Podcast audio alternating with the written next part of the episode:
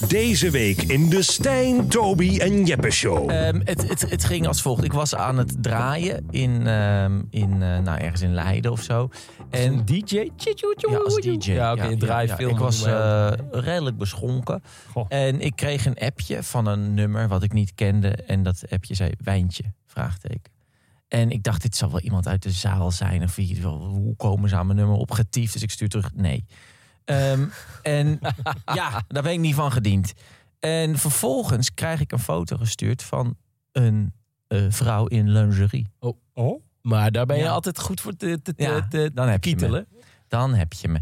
En ehm, toen ehm, stuurde ik terug van nou ja, dat verandert de zaak. Zo makkelijk is hij, hè? Ja, ik ben een hele, Zo hele simpele makkelijk. jongen. Maar ik dacht, dit kan net zo goed gewoon een oude dikke vent zijn die gewoon foto's gewoon van een foto, ja, ja. ja. Dus toen stuurde ik, ik wil dezelfde foto, alleen dan wel met linkerbeen omhoog, eh, rechterhand als pistool.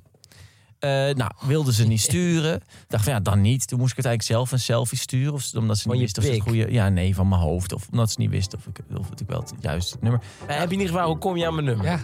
Wie Zit ben ook nog in de vraag. Stijn, Toby en Jeppe Show, gezellig in de studio.